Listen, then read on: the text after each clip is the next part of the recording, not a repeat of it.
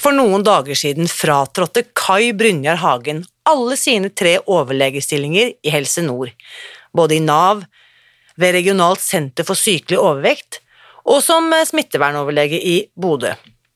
I dag skal vi snakke om noe av det som opptar ham aller mest, nemlig korona, barna våre og fremtiden.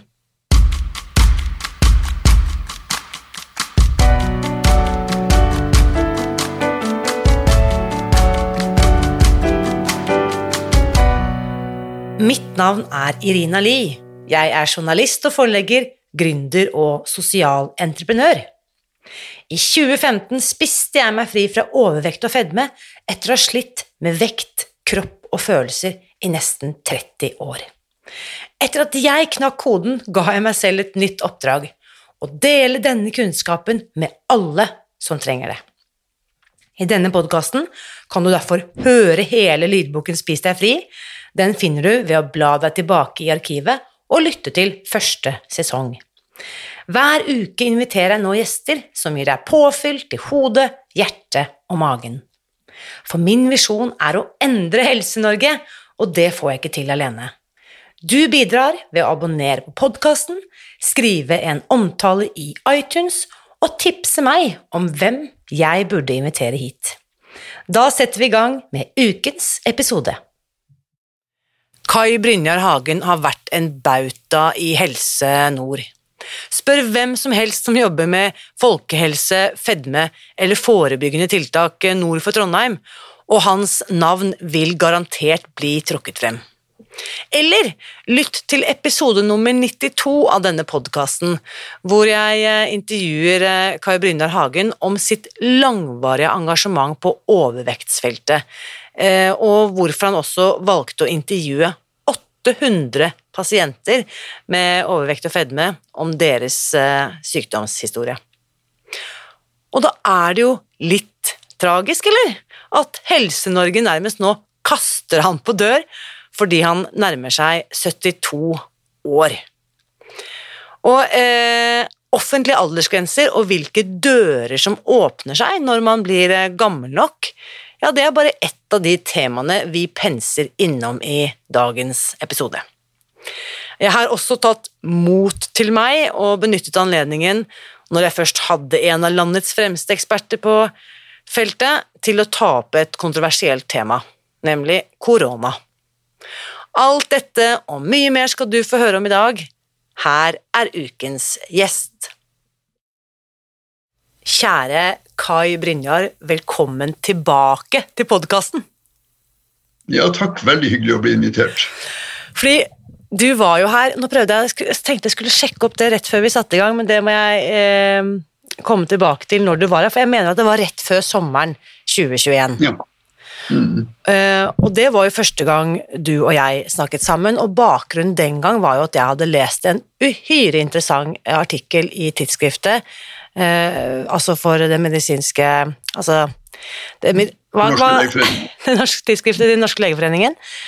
Um, om den studien du har bidratt til på overvektsfeltet. Eh, og så ble det en kjempespennende samtale, og så var du med på eh, fagsymposiet vårt for fastleger og helsepersonell i september. Ja, det stemmer. Ja. Og nå, for bare kort, kort tid siden, det vil si 30. november 2021, så eh, kan vi si at du ble bedt om å gå av, eller måtte du gå av, eller tvunget over i pensjonistenes rekker? Hvordan skal vi si dette her, Kai Brynar?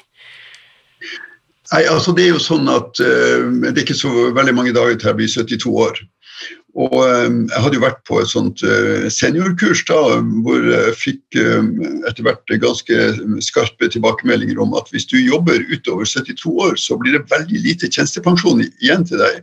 Så, så det beste rådet um, man kan gi, det er at du, du går av fra alle ansettelsesforhold. Jeg hadde jo tre arbeidsgivere, sykehuset, kommunen og Nav. Og, og, dermed så satte jeg en strek og har gått av fra alle ansettelsesforhold. Så at eh, det som blir heretter, det blir eh, at jeg fortsetter å, å, jobbe med ting, men da via et firma som er i ferd med å opprette et AS. Så du er tvunget over i vår, eh, vårt parti, over i gründernes rekker du, Kai Brynar? Ja da, så nå eh, er det at man ikke skal bli pensjonist, men bli bedriftseier. Det er sånn det funker. Velkommen, for å si det sånn. Eh, vi, i, vi, vi bedriftseiere trenger flere flinke ja. folk. Så, meg. men da må jeg bare advare deg fra en gründer til en annen, Kai Brynjar, nå som det bare er oss to som sitter her og snakker, og noen tusen som hører på. Vær forberedt på at du nå kan risikere å bli stemplet som velferdsprofitør hvis du skulle snakke om kompetansen din innen helse. Akkurat. Ja. Nei, det er sikkert mange snubletråder her, altså, men eh, Den tid den sorg. Nei, fordi vi må snakke litt om bakgrunnen din. Du har også, du nevnte det jo, du har nå eh, eh, trådt fra dine tre stillinger, og arbeidsgiverne dine var altså sykehuset eh, i region nord, ikke sant. Helse, Helse Nord er vel den regionen du da har hørt til? Ja, eh, altså Det var en, en, stilling som overlege ved Regionalt senter for sykelig overvekt, som, som ligger ved Nordlandssykehuset i Bodø. da. Og så var du smittevernoverlege i Bodø kommune. Ja. Og så var du Stillingen din i Nav, hva var stillingsbetegnelsen din ja, Det var rådgivende overlege for Nav Nordland. Ja. Så det vi snakker om her, er at du har stått godt plantet i det feltet som berører oss alle, enten det har vært korona, eller det har vært fedme og overvekt, eller det har vært arbeidsuførhet, permitteringer eller arbeidsavklaringspenger i forbindelse med sykdom og den slags? Ja, eh, det har vært veldig interessant at jeg har sett noen eh, sammenhenger. Altså Folk er jo folk uansett om de opptrer på den ene arenaen eller den andre arenaen. Og, og, og, og det har gitt meg noen eh, ekstra innsikter som, og noen lærdommer som jeg er veldig takknemlig for å ha, ha fått med meg. Jeg tror også det at Eh, i og med at jeg eh, har en spesialitet i samfunnsmedisin, eh, så kan man jo være nysgjerrig på alt som rører seg i et samfunn. Mm. Og, og, da har dette passa egentlig, egentlig, veldig godt. Jeg har litt problemer med å begrense interessen for alle mulige sånne ting. og jeg husker jo i vår forrige episode, jeg må linke til den i, i denne episoden også, så fortalte de om hvordan du hadde ramlet inn på medisinstudiet, nærmest. Eh, det var ikke noen planlagt karriere, men det, en rekke tilfeldigheter, kan vi vel si. Ja, det var litt tilfeldigheter med at jeg, jeg, hadde jobb ved siden av det som skulle bli språkstudium og, og sånt. Og, så, eh, og, og, den jobben var på sykehuset, og da ble det tent noen, noen lamper her. Men eh, før vi havner, går dypt inn i helsefeltet, la oss snakke litt om dette med aldersgrensen. Når jeg fikk vite av vår eh, felles bekjent og gode venninne Mari Mette Graff, som leder Landsforeningen for eh, overvektige, som jeg traff i eh, Tromsø for eh, ikke lenge siden, så var det hun som fortalte meg at ja, eh, Kai Brynjar skal jo gå av nå pga. aldersgrensen. Da var jeg sikker på at du var 70, men du har faktisk, du skal fylle 72 nå i desember. Så du har liksom ja. strukket strikken så langt som det er lov i Altså som det er, hva skal vi si De sier vel at man i teorien kan stå til 75 i det offentlige, men jeg hører jo at jo, men det blir mange mekanismer som, eh, som går eh, tvert imot det som festtalene sier, nemlig at her gjelder det å stå i jobb og og at eldre skal være ressurs osv. Um, den ene mekanismen er, um, er det med pensjon. At, at tjenestepensjon uh, forsvinner gradvis. Jo lenger du står i en, en uh, fast ansatt stilling, jo, jo, mer forsvinner tjenestepensjonen din, som du har opparbeidet gjennom mange mange år. Mm. så det er nå et økonomisk insentiv til, til å slutte. Og, og, I tillegg så, så, er det jo mange som uh, får en klar oppfatning av at man tar opp plassen for noen yngre som, som skal opp og fram. Uh, det ønsker man jo ikke å gjøre. Og, og, og, så, så, er det en del sånne fordommer om at når du når en viss alder, så er du sånn smådement per, per definisjon. Så da, Eh, og da har du sikkert ikke fulgt med på, på, på ditt og datt osv. Så, videre. så eh, Så egentlig så, så, burde det ryddes litt i, i dette her, sånn at, eh, at, det blir den aktuelle funksjonen og kompetanse og yteevne som, som er viktig, og ikke akkurat det kalendariske tallet. Ja, jeg, jeg, vet ikke helt hva jeg skal si, jeg, fordi jeg, jeg, har jo også en annen god venninne, Mette Bugge, som i disse dager står i det samme ikke sant, i Aftenposten, som fire-ti år som sportsjournalist er. Jeg tenker at hun er en av de mest kompetente i Presse-Norge. Og nå, når hun tenker er liksom i sitt livs prime, da, med all den kompetansen og nettverket, så skal arbeidsgiver ta farvel med henne?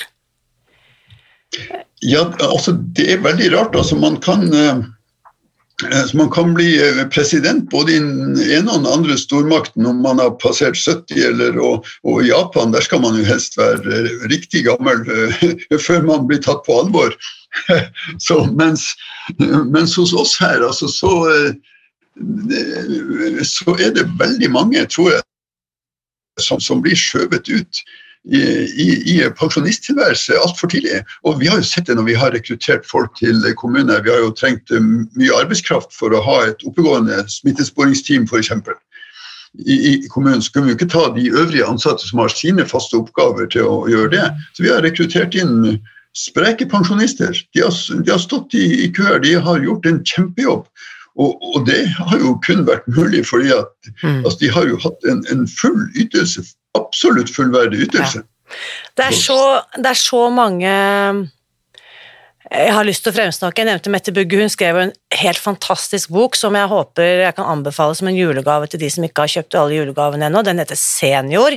Den har jeg selv kjøpt inn julegaver til diverse som jeg tenker at Jeg tror aldri man er for ung da, til å forberede seg på seniorlivet, for å kalle det det. Fordi det det handler om, og når jeg leser boken til Mette Bugge også, som ting hun har tatt fra toppidretten nå, det handler om mental trening og innstilling til livet og mine egne kvaliteter og mestring og dette her. Eh, det er lett å melde seg ut sikkert allerede når du er 50, hvis du går inn for det. Det er bare å lene seg tilbake og ikke følge med. Men når vi har da eh, personer som deg, Kai Brynjar, og ta det til deg, som er så fremoverlent, da, så tenker jeg at den ressursen må jo Norge være i stand til å gjenkjenne og benytte seg av. Ja, Det føles i hvert fall litt feil at man skal melde seg på som en, som en, del av denne forferdelige eldrebølgen som jo skal ødelegge alt og alle når den drar som en tsunami over oss. Eh, altså, uh, man burde hatt en annen måte å, å uh, å enten være inkludert i arbeidslivet eller å gå over i hel eller delvis pensjonisttilværelse.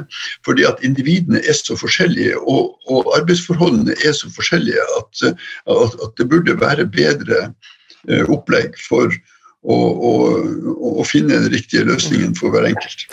Men for å si det sånn, um fra en arbeidsgiver til en annen, eller en gründer til en annen. Jeg vet i hvert fall at jeg kunne veldig gjerne tenke meg å hyre inn deg som medarbeider eller konsulent eller ressursleverandør eller hva vi skal bruke av fancy begreper i 2022, så da har du oppdragene, de står og venter på deg, Kai Brynjar. Eh, du er på ingen måte overflødig Jo, det mener jeg. og jeg vedder på at du kommer til å ha fulle ordrebøker fra dag én når dette selskapet ditt er oppe og står.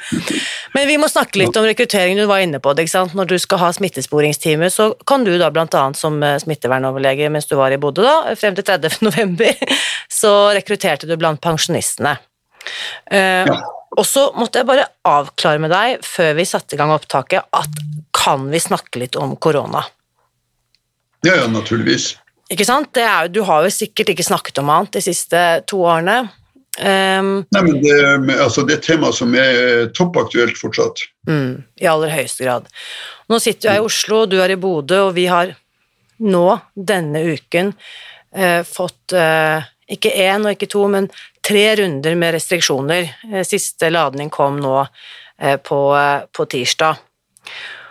Og jeg har jo med sjokk og vantro vært vitne til noen av hva skal vi si reglene og endringene som dette samfunnet har gjennomgått de siste to årene. Ting som ville vært utenkelig for to år siden, er vi nå alle tar vi mer eller mindre lydig imot. Um, Og så lurer jeg på også fra et liksom helsefaglig perspektiv. Jeg stiller meg undrende til enkelte av tiltakene om, om det virkelig kan være riktig løsning fremover. Uh, og så har jeg hørt da, fra mange fagfolk, det er leger, det er fysioterapeuter, det er kiropraktorer, som sitter med kanskje et litt annen virkelighetsoppfatning enn det helsemyndighetene gir uttrykk for, eller det som mediene skriver om. Hva, kan vi si noe om den faglige debatten, Kai Bryna? Hvordan syns du den har vært i forhold til korona? Nei, den har jo den har vært veldig fragmentert og, og, og til dels eh, ganske fraværende. Altså, eh, det har kommet et dekret ut eh, fra sentrale helsemyndigheter og altså basert på, på, et eller annet faglig standpunkt, og så har det blitt implementert ganske raskt. Så det treffer hele befolkningen, mer eller mindre. Det er jo en ganske Eh, kraftig eh, effekt av et, eh, en faglig tilrådning. Da. Og i utgangspunktet så var det jo sånn at det var Folkehelseinstituttet skulle være den, den faglige, det faglige ankerfestet for norsk politikk. Det skal være et frittstående institutt som, som kommer med sine faglige tilrådninger, og så skulle da administrasjon og politikk eh, altså velge hvor mye man ville ta hensyn til det og ikke ta hensyn til det. Det er for så vidt er greit, men hvordan blir det når Folkehelseinstituttet og Helsedirektoratet blir bedt om å samordne sine, sine faglige tilrådninger? Det ene er et myndighetsorgan, det andre er et faglig organ. Ja, Kan du forklare forskjellen? For jeg er fortsatt forvirret for det. Hvis vi, hvis vi ser på FHI Camilla Stoltenberg, kan vi, kan vi, Jeg vet at det ikke er helt overførbart, men kan vi si at hun er Norges svar på Anders Tegnell? Ja. Ja. ja. Så svenskene har sin Anders Tegnell, vi har FHI og Camilla Stoltenberg. Og sånn som du er inne på her, det er et frittstående faglig institutt. De skal ikke ta hensyn til eh, eh De skal vel ta hensyn til det samfunnsøkonomiske, men de skal sette helsen øverst. Er det så, sånn å forstå? Ja. Og så har ja, vi... Da, altså, de, skal, de, skal, utrede det faglige grunnlaget, det medisinsk-faglige grunnlaget. Ja, Og så har vi da myndighetsorganet som er Helsedirektoratet, hvor vi først og fremst kjenner assisterende helsedirektør Espen Rostrup Nakstad. Ja.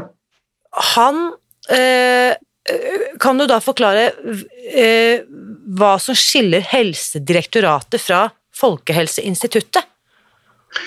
Helsedirektoratet er et myndighetsorgan som iverksetter eh, den, eh, den, politikken som departementet har utformet. Så Greit. Departementet gir en, en, et oppdrag eller en ordre til Helsedirektoratet at nå skal vi gjøre sånn og sånn i helsetjenesten i Norge. Og da blir det ført videre fra Helsedirektoratet som som, altså, som myndighet uh, direkte til sykehus, til statsforvaltere og kommuner. ikke sant? Men når jeg, når jeg, sitter og ser på det som i hvert fall er synlig utenfra, så er det jo i aller høyeste grad får man inntrykk av at Helsedirektoratet i aller høyeste grad også spiller inn sine råd til departementet og eh, statsråden eller regjeringsapparatet. Ja, nettopp. Og, og, og departementet ser ut til å Eh, å slå de to instansene i, i, sammen, mer eller mindre, og, og, ber dem om å bli enige om en tilrådning mm. inn til departementet, det er i mine ører litt rart. For det betyr altså at en som har Altså den som har det medisinskfaglige eh, hovedansvaret, og den som har det administrative, altså myndigheten, skal bli enig. Det blir som om en rådmann eller kommunedirektør og, og, en, og, en, lege skulle uh, måtte bli enige om hvordan blodtrykksbehandlinga i ja. vår kommune skal skje. Uh, nå tar jeg et stort sprang, men du kan sikkert være med på tankevandringen her. Er det det samme som vi ser det er vel på 90-tallet, når vi tar inn foretaksøkonomiske prinsipper inn på sykehusene, at vi nå skal på en måte styre etter uh, bunnlinje og økonomisk vekst, når kanskje medisinskfaglige hensyn ville tilsagt noe annet. At det blir helt fjernt å forene to eh, hva skal vi si, organ som har helt ulike mål. Ja, ja, det blir en analogi. altså Når det gjelder foretaksmodellen, så, så er det jo etter mitt skjønn helt uh, åpenbart at der er det den, uh, den New Public Management uh, ideologien som, som gjennomsyrer det hele. Det er, uh, altså Der blir ikke helse lenger et offentlig gode, men det blir eh, en slags kvasi eh, konkurrerende, altså næringslivsaktør. Eh, eh, eller et, et markedsobjekt. Ja. Som, ja.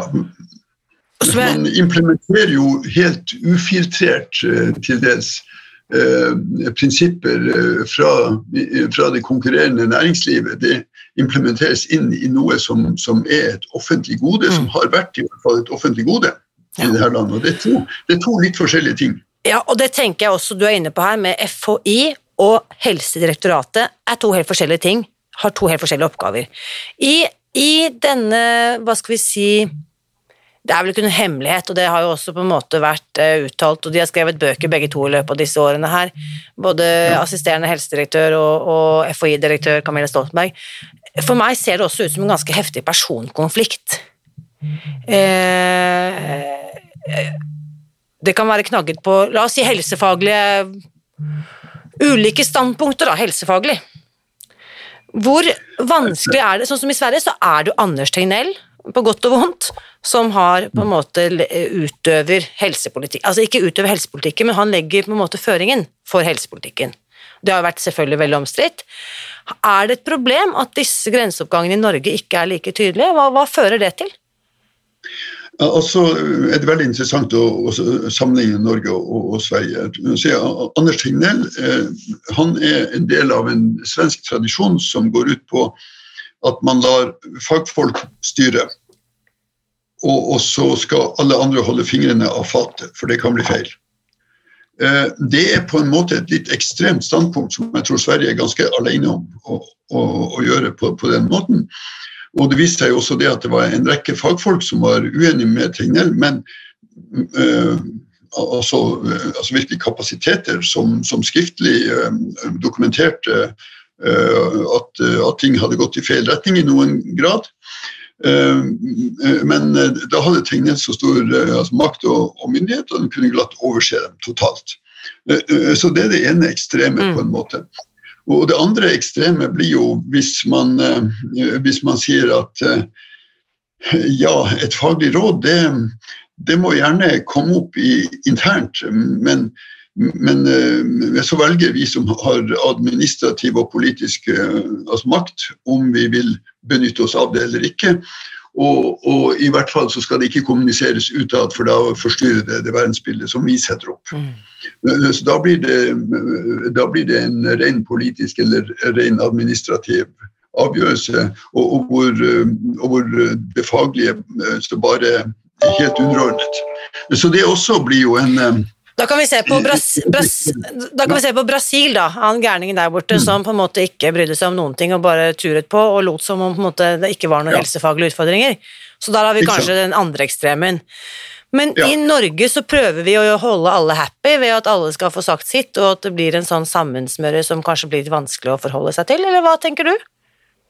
Eh, jeg tenker rett og slett sånn at uh, vi må åpenbart ha en faglig arena hvor man, eh, altså hvor man eh, fritt kan ha en fordomsfri eh, faglig drøfting, diskusjon, på samme måte som enhver artikkel til et medisinsk fagtidsskrift. Altså, den artikkelen blir det fagfeller som skal vurdere før den kommer på trykk og den blir hele resten av den medisinske verden blir invitert til å kaste seg over den så snart den står på trykk. Og, og det er en måte som, eh, som, er helt avgjørende for at man eh, kunnskapsmessig, altså vitenskapelig, skal komme videre. Jeg mener at et råd fra Folkehelseinstituttet f.eks. Altså, burde være underlagt akkurat samme. Mm. Altså, det burde være åpent. Og altså, hvert fall når det er ting som ikke haster eh, fra time til time. Men kanskje da også kunne man hatt et, et lite panel av mm. fagfeller uh, som sto uavhengig og kunne gi sin, sin faglige argumentasjon inn i det. Så at man fikk reindyrka det faglige. Og så sier ikke jeg at en politiker eller administrator uansett skal følge Eh, et, et, faglig råd for enhver pris. Det, altså man kan ha andre hensyn som skal inn i, i, i dette, det er helt legitimt. Men altså man kan ikke utvatne det faglige rådet, forstå for det det er. Mm. Og, og, så får man politisk si at her har vi noen andre hensyn som tilsier at vi følger ikke det eh, rådet til punkt og prikke, vi gjør noe annet også. Det er helt greit. Jeg har, som du vet 20, sier jeg sier alltid 20 års bakgrunn, men nå er det jo mer. Jeg begynte som journalist i Bergensavisen da jeg var 18 år. Og nå er jeg 45, så det vi nærmer oss Vi nærmer oss faktisk 30 år bakgrunn som journalist. ikke sant? Begynner å bli gammel jeg òg, vet du, Kai Brynjar. Um, og da Du er ikke gammel. Nei. Apropos, må, nå må jeg bare ta en liten avsporing til. Jeg fikk eh, gleden av å feire en 100-åring i sommer. Mine, mine, barns oldefar fylte 100 år, vi hadde en fantastisk feiring for han på Sørlandet, og så, så sier han til meg, Irina, livet var på sitt beste da jeg var 70. Det ga meg noen perspektiver. Jeg tenker sånn og Nå er jeg liksom midt i livet, men uh, da vet jeg at jeg har mye, mye å se frem til. Det var hundreåringens perspektiv. ja, så bra. Um, hvis vi da um, se på ja, ja, la, la, meg før jeg går videre, bare la oss ta dette med FHI og faglig drøftelse, og, og at man kan eh, Fagfeller kan uh, utfordre hverandre.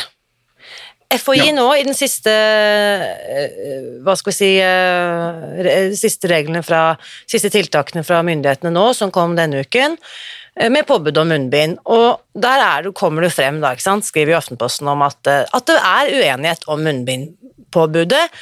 FHI mener det ikke var nødvendig, det mener derimot direktoratet og regjeringen. Mm. Et så eh, jeg vil si såpass inngripende tiltak som det å påby befolkningen å bruke munnbind Mm. Hva, hva, tenker du om det med din smittevernfaglige bakgrunn? Er dette en ting som burde vært kunne debatteres? Ja, selvfølgelig kunne det debatteres. Altså man, eh, altså man kunne f.eks. Uh, ta fram dokumentasjon på hvilke situasjoner er det at munnbind er effektivt, og, og hva slags forutsetninger er det uh, da som må være til stede.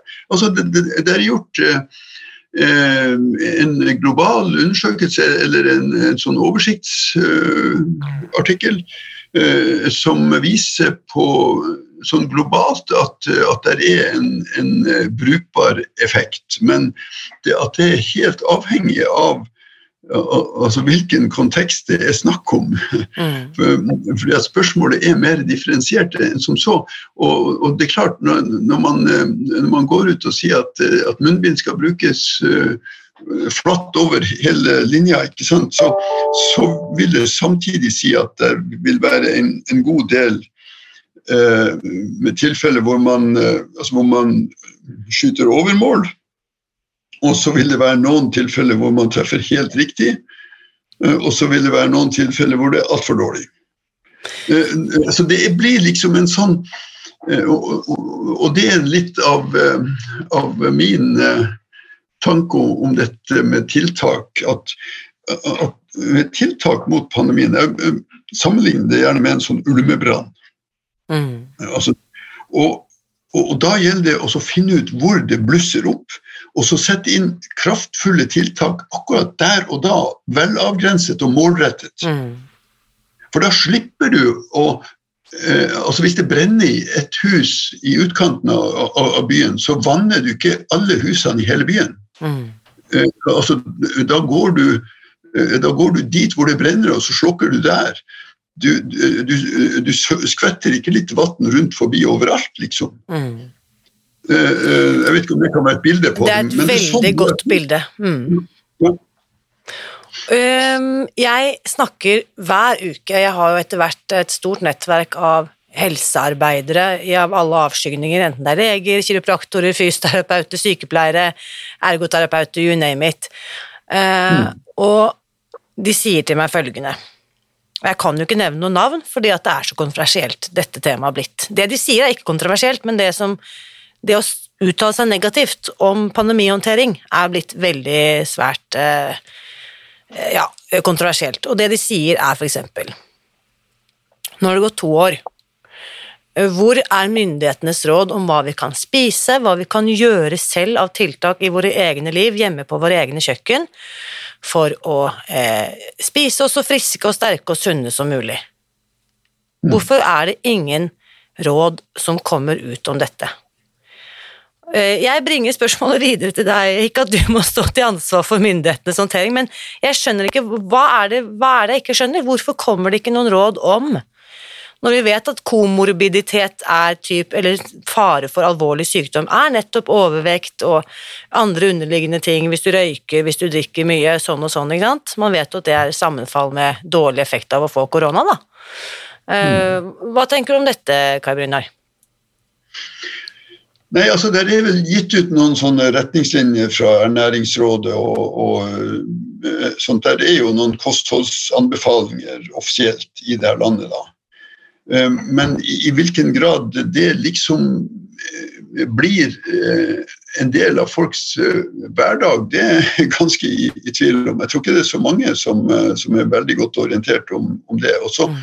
og, og så tenker jeg at en god del ting altså blir jo først effektiv eh, når det kommer på et organisatorisk eller et strukturelt nivå. Eh, som f.eks. hvis det blir gjort noe med avgiftspolitikk, f.eks. på sukker og, og, sånt, eller plassering av dette. Det er jo skarpskodde psykologer som, som, vet akkurat hvor vi skal plassere mm godsakene. Sånn at, altså, det er en rekke faktorer som virker inn på hva som blir det faktiske hverdagslivet for, uh, for folk. og, og, og, så, og, så, har man så lett for å skygge unna de der tilgrunnliggende betingelsene. Og så, og, så blir det mer til en, en moralisering mot hver enkelt. Mm. Men, men altså alt, eh, all erfaring viser jo at, at det som er, som er, lettest tilgjengelig altså Hvis sunn, god mat er både lett tilgjengelig og ikke dobbelt så dyr som all annen uh, junkfood, ja, så, så, så, blir jo det mer brukt, altså. Ja, så kunne man da si at Nå vet jeg ikke hvor mange milliarder eh, myndighetene har brukt på testing og, og sånne ting, og, det, eh, og vaksinering og den slags, men kanskje de kunne i samme sveiven da ha kuttet momsen da, på frukt og grønt? Ikke sant? Altså, eh, det er jo en rekke sånne, sånne grep som, som, absolutt kunne vært gjort. Altså. Mm. Og, og, du sier det er testing osv. Altså, jeg eh, har en liten eh, kjepphest med det også. Man har jo pøst ut millioner på millioner på millioner av hurtigtester. Mm.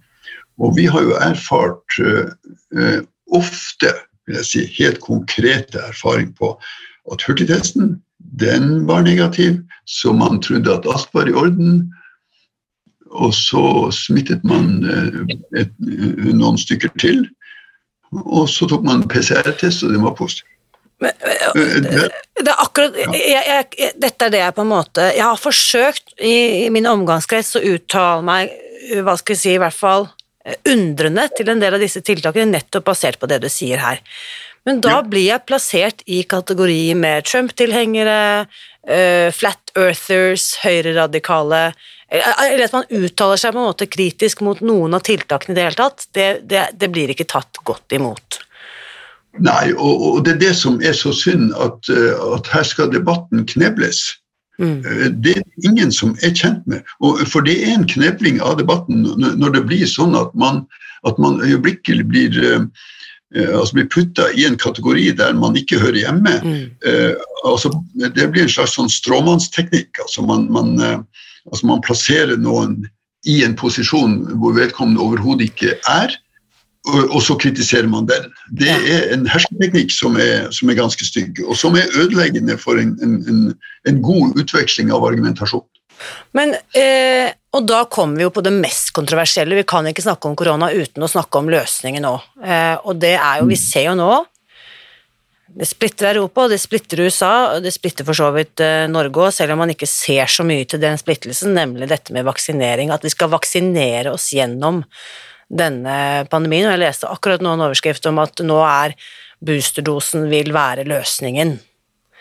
Um, der er jeg også uh, betenkt. Jeg, jeg, tror ikke at boosterdosen vil redde verden denne gangen heller. Hva, hva tenker du, Kai Brynjar?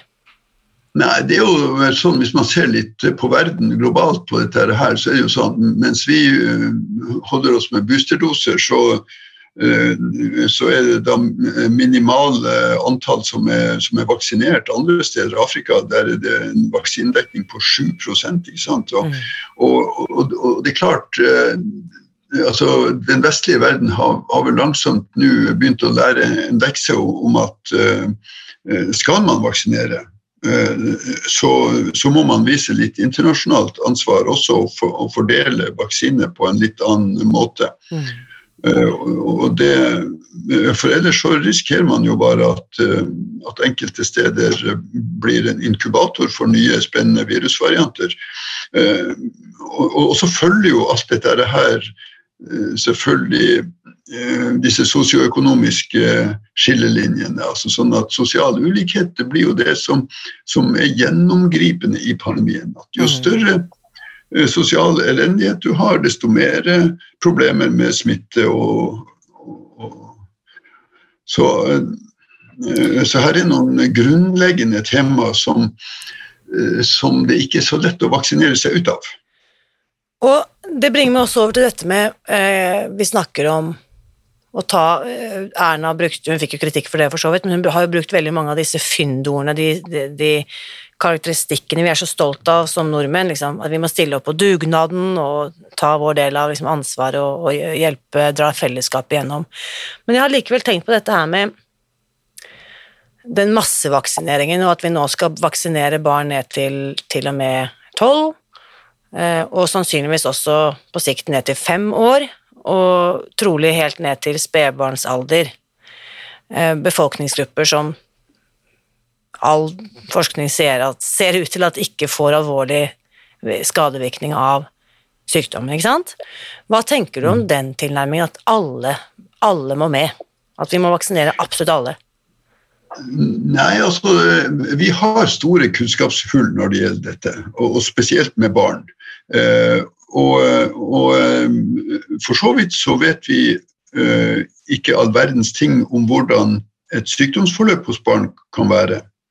Og, og, vi vet ikke all verden om, om bivirkninger av vaksine hos barn. Eh, og, og, jeg tenker at eh, når man vet at det er en god del ting man ikke vet, eh, så, så, bør det tilsi at man har et føre-var-prinsipp. At man er noe eh, forsiktig. Eh, vi har jo sett tidligere eksempler på sånn som svineinfluensaen, altså denne den pandemien som var i 2009. altså da, eh, da ble jo vaksine laget på veldig kort, mm. uh, veldig kort varsel. Det ble et sterkt press for å vaksinere, og, og, så så man jo etter hvert da at det kom en del bivirkninger i form av narkolepsi hos så unge. Og, og, det er klart, det, det er noen veldig Eh, delikate avgjørelser der, og det å være eh, kategorisk på ting som man vet eh, for lite om, det, det fører ikke noe godt av sted. Jeg tror jo at den, den vaksinen man nå har kommet fram til mot korona, at den har, har redda en del folk Eh, det tror jeg absolutt. Men eh, det blir for lettvint å tro at, eh, at vaksinering er, er, den store redningsplanken som skal redde oss ut av alt. Dertil er, er det litt for begrensa hva effekter denne vaksinen har, og ikke minst distribusjon av vaksiner også. Vi har jo i eh, Vi leser jo hver dag, øverst på alle bannere på nettavisen, så står det antall smittede, antall innlagte, døde til nå, etc. Vi kan følge dette bokstavelig talt minutt for minutt. Den mm. statistikken som ikke kringkastes daglig, og som kanskje ikke er så mange som vet om, det er jo den som gis ut hver uke fra legemiddelverket.no, nemlig meldinger om mulige bivirkninger av koronavaksine. Den siste tilgjengelige nå er jo kommet i slutten av november, Og her står det altså, jeg leser Etter at over 8 millioner doser er satt, har Legemiddelverket mottatt 42 537 meldinger om mistenkte bivirkninger. Av disse er 23 017 meldinger behandlet, så det vil si ca. halvparten. Og så står det altså at 3795 er klassifisert som alvorlige. Og da, med litt mm. sånn cirka-matte, så snakker vi altså 10% er alvorlige bivirkninger. Og under alvorlige bivirkninger så kan vi jo si at der, deriblant også død. Det regnes som en alvorlig bivirkning i et statistikkskjema. Ja. Um, så det vil si at vi har altså, og hvis jeg ikke tar helt feil, så mener jeg at det er snakk om et par hundre døde uh, som er døde av vaksinen. Mistanke om at har dødd av vaksinen. Det jeg vet som eh, var dette med mistanke om eh, eh bivirkninger hos ungdom, for å se på det, da, 12-17 år, så har vi altså mottatt og behandlet 248 meldinger om mistenkte bivirkninger i denne aldersgruppen, og 35 er klassifisert som alvorlige. Ja. Um, jeg, jeg, har ikke klart å lese ut av tallene om noen av disse er døde, det tviler jeg på, det tror jeg vi hadde hørt, men uh, jeg vet ikke. Men det at um, vi skal beskytte da de sårbare utsatte i befolkningen, blant annet de eldre, Eh, og de med 65 pluss og følge, eller tilleggssykdommer. Jeg vet ikke om jeg syns at det regnestykket er fair, at 35 ungdommer nå mellom 12 og 17 år har pådratt seg bivirkninger. Alvorlige. Nei, og, og, og, det her er jo ting som eh, altså Det er jo eh, norske tall du, du refererer til. og og, så, og, så, finnes det jo internasjonalt publikasjoner som beskriver noe tilsvarende. Eh, og, og eh, den forestillingen om at man har en, en vaksine eller en medisin som, eh, som liksom bare skal oppleses vedtatt, skal være like bra for alle, det, det holder ikke, altså. Mm. Det, det her hører absolutt med i, i, i regnestykket. Det er mange faktorer som holdes fra hverandre. Du kunne også tatt med i det regnestykket hvor mange eh, som, eh, som, har hatt eh, en tiltaksbyrde, eh, altså hatt eh, negative konsekvenser av de tiltakene som ble innført. Så blant annet så har vi vært veldig streng med, med besøk i sykehjem, f.eks. Man skulle ikke få noe, noe smitte inn der. Det førte jo til at man måtte jo nesten ha en spesialtillatelse for å, å, å besøke sin, sin, døende far eller mor.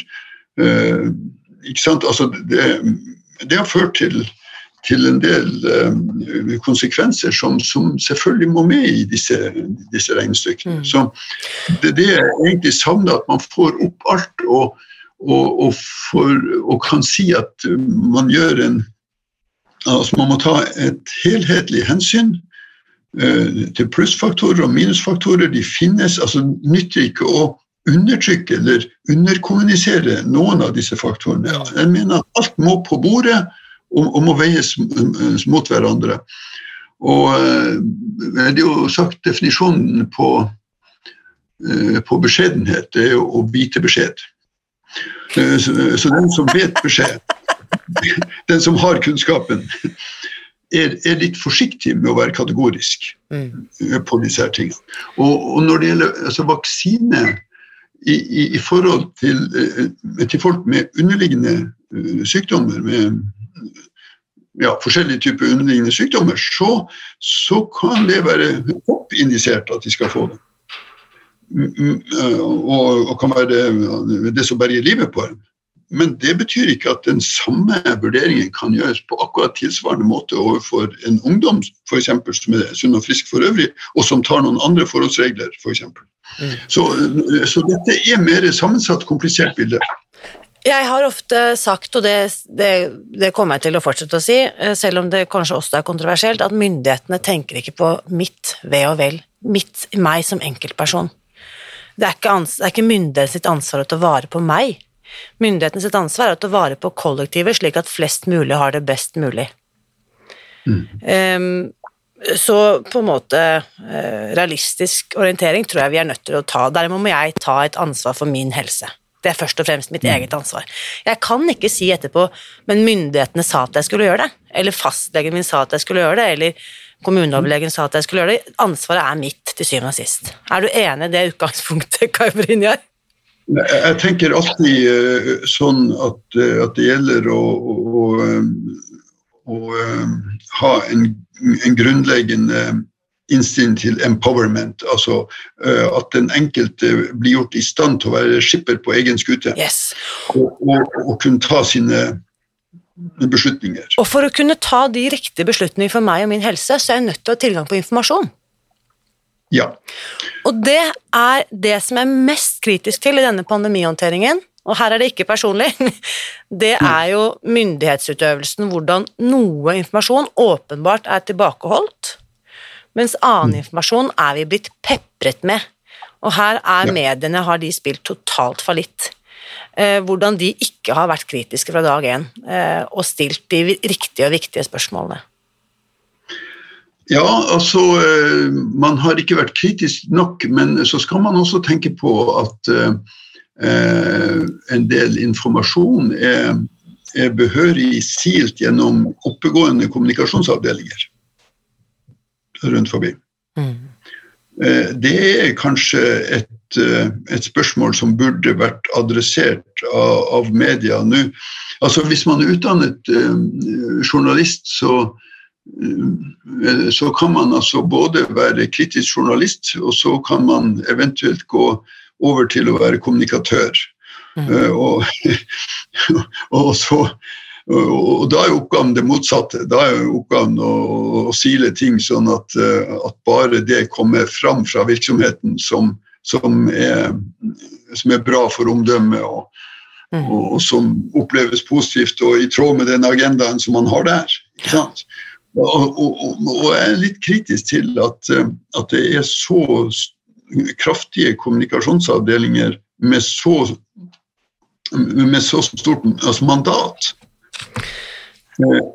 i så mange offentlige virksomheter som, som er betalt av, av skattebetalerne. Altså det, og, og, har jeg betalt skatt til, til, til en offentlig instans uh, fordi at uh, jeg ikke skal få lov til å få innsyn i hva som faktisk foregår der, men uh, få en, en, dandert versjon av, av, ting. Jeg tror mye farlig stoff har gått ad undas der. Og her igjen, da, bare for å ta det igjen, dette legemiddelverket.no, jeg anbefaler alle å gå inn, gå inn, og ta en titt på den statistikken. Det er kjempespennende og veldig viktig ved lesning. Også i forhold til dette med at man ikke anbefaler Pfizer nå for menn under 30, ikke sant? grunnet dette her med myocarditis, hva heter det, hjertesekkbetennelse.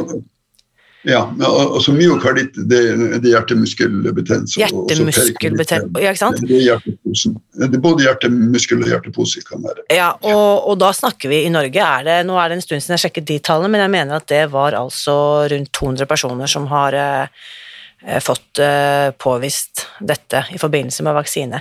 Hva er en sånn, eh, er en sånn betennelse? Hva, hvordan kan det utarte seg? Er det, er det som en forkjølelse, eller er det farligere enn som så, for å si det sånn? Nei, altså det er klart eh, En, eh, en betennelsestilstand eller inflammasjonstilstand i, i, hjertemuskel eller hjerteposen, det er selvfølgelig en, en, en ganske vidløftig affære. Altså. Det, det, er, ikke noe vanlig forkjølelse, det, altså. det er helt sikkert. Det, men det kan føre med seg ganske alvorlige konsekvenser, så det må tas på høyeste alvor. Ja. Og igjen da tenker jeg på de som på en måte velger å ikke vaksinere barna sine, da, f.eks. Um, dette er en risiko vi må faktisk vurdere hver og en av oss. Hva er det jeg Vil jeg risikere at barnet mitt blir smittet og går gjennom korona, eller vil jeg risikere Ja, risikoen er bitte liten, men den er nå der. Uh, ja, nei, altså Foreldre må få lov å, å ta et informert uh, altså valg på dette uten å bli utsatt for noen ting som helst. Altså, jeg har jo f.eks. snakka med, uh, med foreldre til eh, tenåringsjenter som, eh, som, er redd for at, eh, at vaksinen skal føre til menstruasjonsforstyrrelser. ikke sant? For det er jo en reell risiko for. Og der vet man jo, vet man jo fortsatt ikke for mye. Så jeg, jeg, mener man må få lov å være grunnleggende kritisk og stille spørsmål ja. til altså, Det må ikke bli en sånn dugnadsstemning som går over i en hallelujastemning. Det er ingen kjent med. Nei, og apropos dette var det siste punktet, egentlig, med dette med, med, bivirkninger, dette med menstruasjonsforstyrrelser, som jeg opplever er Ja, det er blitt omtalt i media, og jeg, selv, jeg svarer selv hver uke eller annenhver uke på disse SMS-ene fra FHI og deltar på sånne befolkningsundersøkelser om å rapportere mm. inn endringer og syklus og blødningsforstyrrelser og sånne ting, så dette er åpenbart noe de har god overvåkning på og, og rapporterer inn eller eh, henter inn data på. Og det er også veldig ja. mange hundre av disse bivirkningene som meldes inn, handler om eh, uventede og underlivsblødninger etter overgangsalder, eh, andre med, med menstruasjonsforstyrrelser, um, og ja jeg vet ikke om dere kommer på rapporten på disse skjemaene, men også i forhold til brystsmerter og slike ting. Og da lurer jeg på, med tanke på at menstruasjon er knyttet til kvinners reproduksjon, kan man egentlig vite noe om hvordan denne, disse ulike vaksinene påvirker eh, eh, disse organene våre som er knyttet til reproduksjon? Eh, jeg har ikke lest meg opp spesielt på det, så, eh, så jeg vet i hvert fall ikke. Men men jeg, jeg, mener at sånne spørsmål er betimelige spørsmål også, og, og de bør besvares av, av, av fagfolk som, eh, som, viser til undersøkelser mm. og, og viser til uh, sannsynlige hypoteser osv. Så, videre, uh, så at man, at man får et, et, ufiltrert svar, og ikke mm. bare det som er det, det politisk korrekte svaret. Mm. Det kan være to forskjellige ting. Det kan få, være to veldig forskjellige ting. Um og det bringer oss over på et tema som jeg vet at du også uh, har vært opptatt av gjennom mange, mange år. Uh, og det er nemlig beskyttelse av barn og unge. Ikke nå knyttet opp til korona spesielt, men generelt. Eh, vi er inne på at vi som voksne har jo masse krav og arbeidsmiljølov og andre ting som beskytter oss eh, i arbeidslivet. Eh, barn og unge har ikke den samme beskyttelsen. Fortell litt om det, Kai Brynar. Altså, det har slått meg over lang tid altså, at det er en enorm avstand mellom de festtalene vi har om den kommende generasjon og, og, om barn og, som er Norges fremtid og bla, bla, bla, og det som er realitetene på bakken. Altså, man kan gå inn på en, en, eh, en vanlig uh, skole Eh, altså særlig eh, grunnskole, og, og, da oppleve at det er et inneklima som ikke holder mål i det hele tatt. At det, at det kan være murpussen ramler av, veggene. Og jeg har vært i en kommune ikke så fryktelig langt unna her jeg bor, eh, for et par år siden, det var altså like før pandemien, og, og det var helt forskrekkelige forhold. Og jeg har jo god eh, kontakt med altså, helse- og miljøtilsyn eh, Salten, som, som, gjør sånne inspeksjoner rundt på, eh, på skoler og i barnehager også. Og, og, og det, er, det, går på sånne helt grunnleggende ting som inneklima, som toalettforhold. Mm. Og, og, og, hvordan eh, det er lagt til rette altså for, for, barn, så er det jo en og annen helt ny skole som kan være et hederlig unntak, men altså jevnt over så, så, er det, så, er det, dårlig. Og uh, ser man på ungdommen lenger opp når de uh, kommer til videregående skole, uh, så er det jo en, en, stor andel Vi er altså et samfunn der, der vi tillater at i, i snitt 20% bare dropper ut av videregående skole. Mm. Og til hva da? som fastlege så, så, protesterte jeg jo på et tidspunkt overfor fylkeskommunen og, og sa at eh, jeg, jeg, nekter simpelthen som fastlege å sitte her og, og, og være søppelbøtte for deres mislykkede skolepolitikk. Ja, ikke sant. Mm. Altså, for det var sånn at, at, mange gikk en ganske dårlig skjebne i møtet, hvor de liksom ble tapere på mange, på mange fronter. Og så ser jeg på mange av disse at jo, men problemet har jo vært kjent lenge, men har man gjort noe med det? Det, det er altså eh, Altså, man har, eh, man har sett eh, problemer utvikle seg gjennom grunnskole, Mm. ungdomsskole. Eh, Og, men så har man bare holdt pusten så lenge at man har fått dytta vedkommende over i videregående til nye nederlag og, og, og til drop-out. Og, altså, det, er, det er noen eh, ting som er helt uakseptabelt. Og, og at, eh, at barnebefolkningen eh, ikke har en beskyttelse i sitt arbeidsforhold, som jeg mener altså skolegangen Mm. kan du sammenligne med arbeidsplass. Og at vi ikke har noen bestemmelser der som, som kan tilsvare arbeidsmiljølovens bestemmelser for voksne. Mm. Nå skal det jo sies at Arbeidsmiljøloven gjelder jo på skolen, men kun for de ansatte Kun for de ansatte, ja, ja. Det husker jeg. Ja. Jeg, jeg, jeg, jeg. Dette er jo veldig komisk, for jeg satt jo da Jeg har jo aldri klart å ikke si ifra når jeg mener at noe er urett og galt. Så jeg var jo selvsagt aktiv i elevrådet da jeg var tolv, på Marienlyst skole i ungdommen. Og eh, vi klagde jo på dette. Helt totalt fravær av eh, luft innendørs og andre ting, og muggsopp og toaletter og alt det du nevner her, ikke sant. Og da fikk vi jo beskjed om det. Ja, nei, vi er jo underlagt lov som gjelder for de ansatte. Lærerne har krav på visse, viss standard på sin arbeidsplass, mens dere som barn har dessverre ingen rettigheter her innendørs. Skal det sies at den skolen ble pustet opp 20 år senere, i tide til at mine egne barn startet der, men det er komisk hvordan eh, hva, vi, hva vi godkjenner på vegne av våre barn. Hvor, blir det av fakkeltogene og protestmarsjen og alt dette her?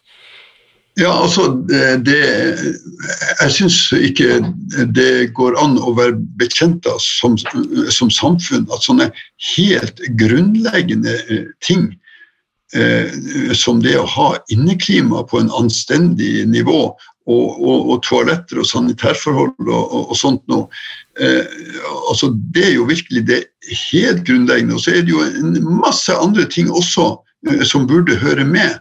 Eh, der er et, eh, en bestemmelse i folkehelseloven og i forskrift om miljørettet helsevern i, i barnehager og skoler eh, som, som er det eneste lovmessige som man kan henge fast på. Så har man en miljørettet helseverntjeneste som, som er såpass underdimensjonert at det bare veldig sjelden at en skole kan få et tilsynsbesøk hvor man får påpekt ting og få gitt pålegg om, om å utbedre de helt fundamentale tingene.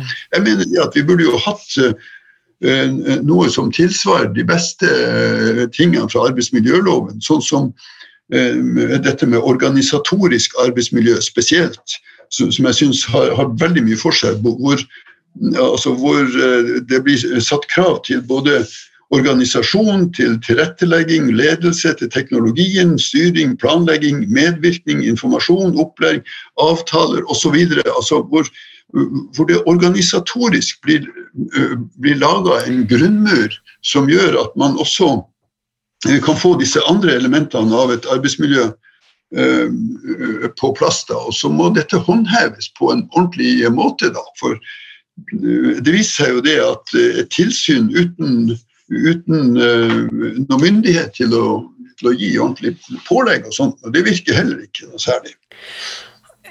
Du nevnte dette med frafallsungdom, og jeg, kom i, eh, jeg har i veldig mange år skrevet om sosialt entreprenørskap. Det vil si eh, Jeg definerer meg jo selv som en sosial entreprenør, altså det vil si vi som jobber i det feltet hvor vi i tillegg til å skape en bedrift som går med overskudd, det er, jo helt, det er jo helt grunnleggende for å kunne tilby noe som helst til noen som helst, men det at man skaper da en positiv bunnlinje i forhold til sosiale resultater, altså i forhold til mennesker, og i forhold til kloden. Denne triple bunnlinjen som vi snakker om. Så vi snakker om økonomiske, sosiale og miljømessige et plussregnskap på alle tre faktorer. Og da leste jeg en rapport om dette å få frafallsungdom i jobb. Den verdien den 18-åringen skaper ved å være i arbeidslivet, genererer 11 millioner i inntekter til staten. I inntekter til staten, da snakker vi ikke om ungdommens inntekt til seg selv. Vi snakker om i form av det å betale skatt, og det å være en forbruker som kan være med å bruke penger i, i dagliglivet vårt. Ja, det var virkelig en illustrasjon på hva det er vi snakker om. Ja, Så det vil si at hver ungdom, staten kunne ha pløyd inn 11 millioner i grunnleggende skole, barnehage, skole, videregående opplæring, og likevel gått i pluss. Ja, ikke sant? Og det der er et rent økonomisk regnskap. Og hvis man så tar de menneskelige regnskapet inn, så kan du legge inn de menneskelige regnskapene i forhold til hva slags liv denne 18-åringen skal få. Skal han sitte hjemme på rommet sitt og game, nå tar jeg liksom ytterkanten, da, eller skal han være en samfunnsborger som lever et godt liv, øh, får seg en hyggelig kjæreste, øh, får tre barn, bygger hus, blir kanskje selv arbeidsgiver, kan sysselsette nok, ikke sant. Så det er på en måte det å fokusere så inderlig på problemet her og nå, da mister man oversikten over hva det faktisk betyr for et samfunn. Altså, det burde ikke være altså, nødvendig å, å, å, skulle underbygge det med økonomiske parameter også. Altså, det burde være nok å, å, kunne si at hør her, vi har laga et system som oppfattes eh, som tilnærma obligatorisk for folk for å komme videre her i verden. Altså det å få gjort videregående skole, eh, få avslutta det med, med en kompetanse.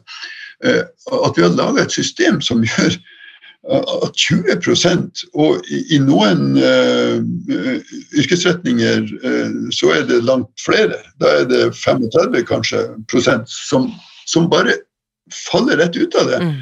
Og det, det, er jo, altså Man tar ungdommer, og så har man sentralisert videregående opplæring, og sånt, og så ungdommer må altså reise fra Eh, det hjemstedet hvor de har alle sine ting, og så til et helt nytt sted, og så på en dårlig hybel som er rådyr i tillegg. Og, og så er de eh, forventa å skulle gjøre det, det, store. Altså Der er veldig mange skjebner som jeg mm. bare jeg har vært borti og hørt om, og, og se hvordan mm. Eh, altså da f.eks. sårbarheter kan bli til, til virkelig katastrofer.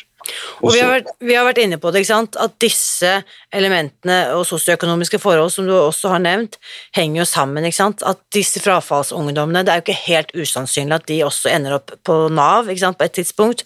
Og det er heller ikke usannsynlig at mange av disse kanskje på et eller annet tidspunkt også vil være i kontakt med Regionalt senter for sykelig overvekt, fordi de har pådratt seg noen mestringsstrategier rundt mat og for å håndtere mat og negative, for å håndtere negative følelser ved hjelp av mat eller drikke. Ja. Og så har vi på en måte da ringen, den negative sirkelen sluttet. Og ja. det som er så fantastisk, tenker jeg, da, for vi er jo begge to eh, eh, opptatt av Vi er ganske eh, enige om problemet. Eller jeg vil si at vi er helt enige om problemet.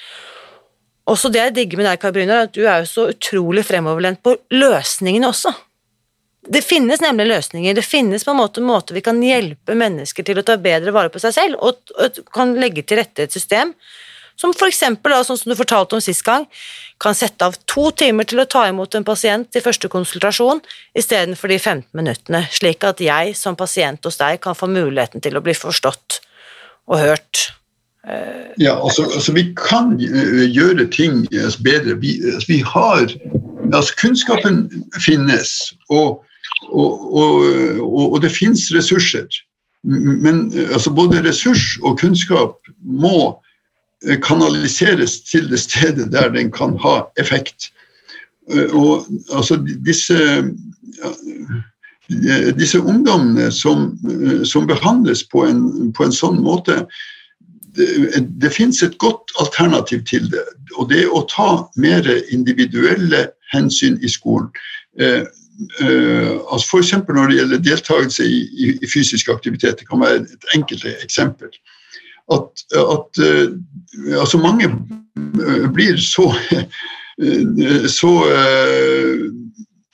påført så mye tapsopplevelser som, og, og, og nederlag i forbindelse med det i skolen at de melder seg ut av det, det meste av fysisk aktivitet. Eh, og eh, hvis man har tilrettelagt sånn at folk kunne få følelsen av å lykkes Det er ikke sånn at, at alle skal hoppe over den bukken. Altså, noen får hetta og, og, og, eh, og, klarer ikke det og mislykkes med det og blir ledd ut. og, og sånn, sånn, er det med masse av det. Her er liksom gym, og alle skjæres over én kam. Det, altså, uten hensyn til at, at folk er unike mm. og har og har eh, sine altså Hvis man bygde opp under den enkelte elev sjøl, og få sjøl ha mer styring på hva som var ok og ikke, så kunne alle få opplevelsen av å lykkes med yes. noen ting. Og, og, dette er jo det jeg snakker om i forhold til Spis deg fri, og det første rådet du får da, når du begynner å lese boken og skal legge om kostholdet, det er re opp sengen om morgenen. Mm. Og så sier folk sånn Hva i all verdens navn? Og jeg, jeg fikk jo det samme rådet selv da jeg startet, og så skjønte jeg på en måte ikke effekten av det. Helt til jeg var blitt en person som redde opp sengen hver morgen.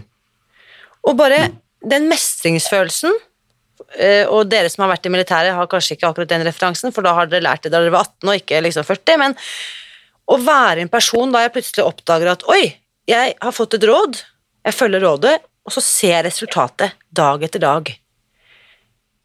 Ja, ikke sant. Og det gir meg en bitte, bitte, bitte liten sånn eh, dopaminboost som jeg starter dagen mm. med, før jeg en gang har liksom tatt et eneste annet valg.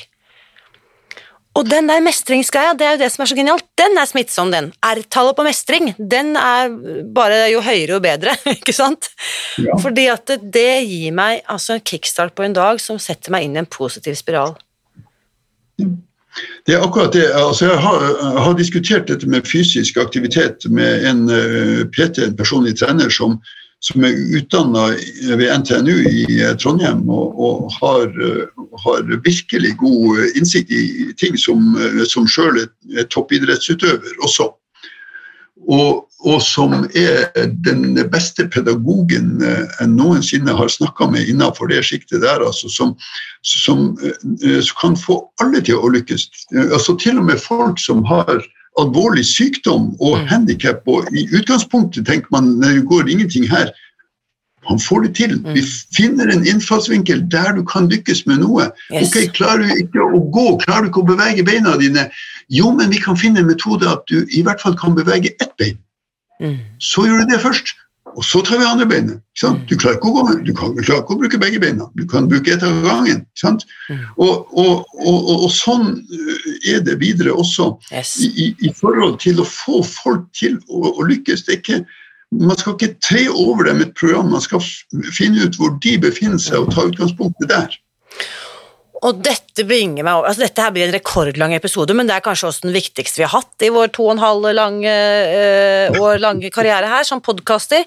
Uh, og jeg tenker bare, Kari vi må titte litt inn i krystallkulen. Jeg vil si at 2021 har vært et ganske Nei, jeg vil si både og. Uh, begredelig år på mange vis. Ingenting av det som var planlagt, uh, gikk. Jeg husker jeg sto liksom på nyttårsaften i fjor og tenkte ok, 2020 var ræva. 2021 skal bli the best year ever. Eh, og så satt jeg og reflekterte. Det har jo vært skjedd fantastiske ting også gjennom denne nedstengningen som jeg ikke ville ha oppdaget eller uh, på en måte vært i gang med hvis jeg ikke hadde hatt denne tvungne hva skal vi si, nedtrappingen da, som vi har vært gjennom kollektivt, alle mann. Mm. Um, så jeg tar med meg masse erfaringer og kunnskap og, uh, som jeg vil ta med meg inn i 2022, uansett om verden åpner opp igjen eller ikke. Uh, men hva tenker du, hva, hva, vi liksom, hva, skal vi se frem imot 2022, eh, Kai Bryne? Hva, hva står på din ønskeliste for året som kommer? Jeg tror i hvert fall ganske så sikkert at, at, at alle er blitt oppmerksom på hvor mye det betyr å ha en god mm, sosial kontakt. Og det å, å uh, ta vare på hverandre. Altså hvordan det der fungerer. Altså det, den sosiale dimensjonen der er, er, blitt kjempeviktig. Og så er det også blitt altså veldig klart at den sosiale ulikheten eh, er en en, en, kjempeviktig uh, sak her. fordi at jo, jo, mer påkjenninger vi som samfunn blir utsatt for, desto mer tydelig klart uh, altså blir det hvor stor forskjellen er uh, på de som, som, da mister jobben sin, som, som, må gå på Nav, og som blir presentert for en masse skjemaer og, og, og greier og greier. Og, og, hvordan det er for alle de som, som er i en og, så har du motsatsen, altså de som egentlig har, har, lagt seg opp en liten formue gjennom pandemien. Det er, det er, mange sånne ting som jeg tror vi som kollektiv er blitt ganske mye mer bevisst på. Altså, hva er det som egentlig betyr noe her i, i livet? Uh, altså, hva er det som er det viktigste? Er det nå at, uh, at vi, at vi skal anskaffe mer og mer luksusmateriell som så skal føre til større søppelberg, eller, eller er det noen andre verdier som, som, mm. som, som vi virkelig må hegne om? Og, og er det sånn at at den velferdsstaten vi skryter av, det blir akkurat som demokratiet. Den må vedlikeholdes. Vi må, altså vi må altså Vi må ha den oppe på agendaen som sådan og spørre oss sjøl om, om, vi er om, om, vi er eh, på rett kurs. Altså med, det, det, er sagt at demokratiet må, altså må stadig eh, debatteres og, mm. fornyes. Det må velferdsstaten også i sin videste forstand. Det er en fantastisk viktig påminnelse. Og da tenker jeg litt på statsbudsjettet og revidert statsbudsjett og alt det som er lagt frem. Når det som skaper størst ramaskrik, er at å nei, nå blir det moms på elbiler over 600 000. Uh, at det skaper overskrifter og furore, og når vi snakker om alle de tingene du er inne på her, som bare passerer i stillhet. Ja, ikke sant? Det er jo en, en, grusomhet at man skal betale moms på det over 600 000. Ikke sant? Uh, og, og jeg, jeg, snakket faktisk med en som sa at det betyr jo et betydelig beløp for de som skal kjøpe sånne biler. Så, så, så sier han nei, det er bare på det beløpet som overstiger 600 000 du momser på. Ja, selvfølgelig. Ja, så de 600 første er fortsatt momsfrie. Hvis noen hadde misforstått, så kan dere puste lettet ut nå.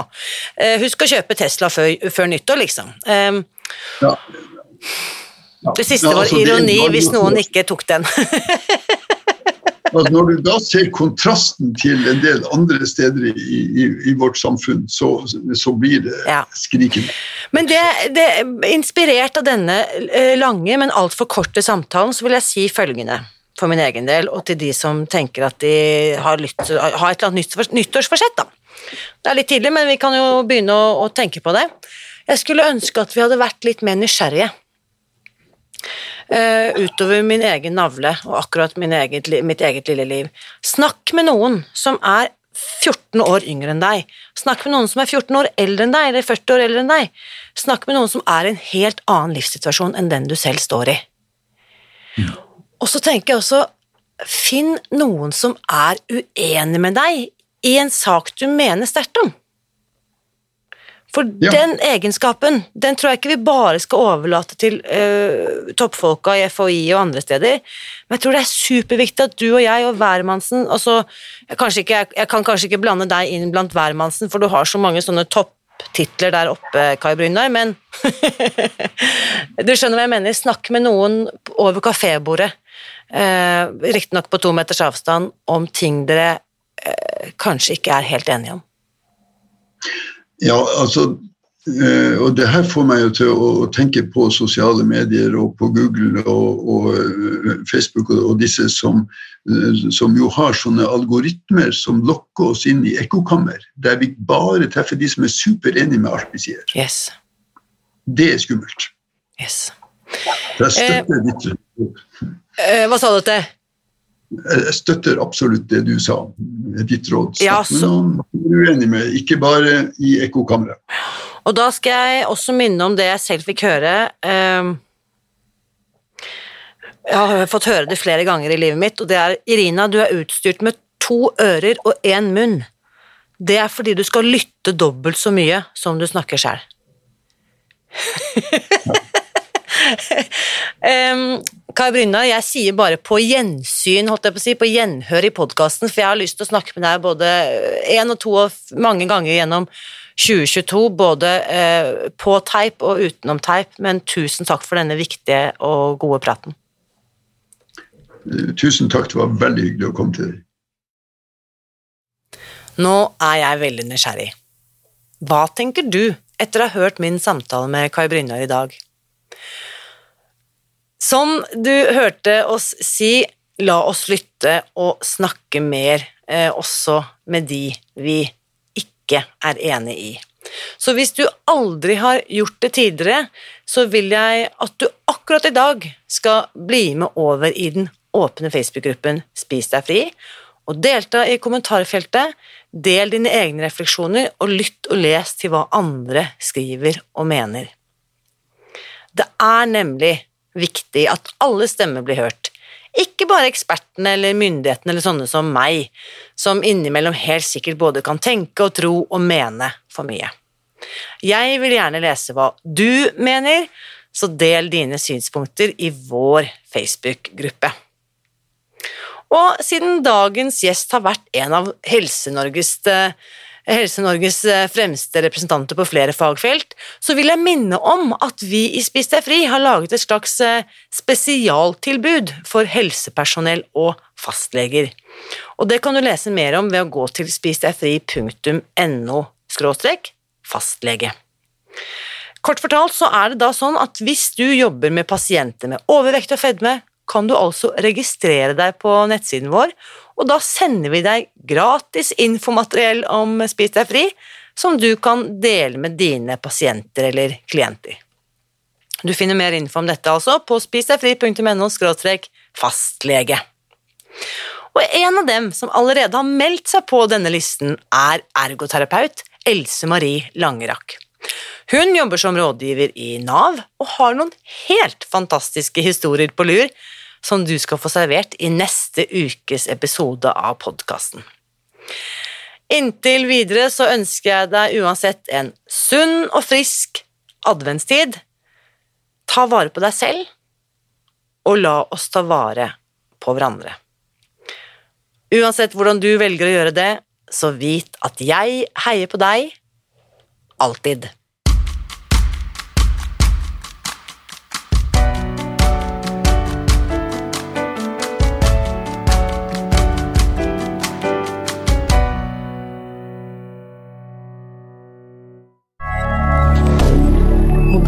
Moderne media.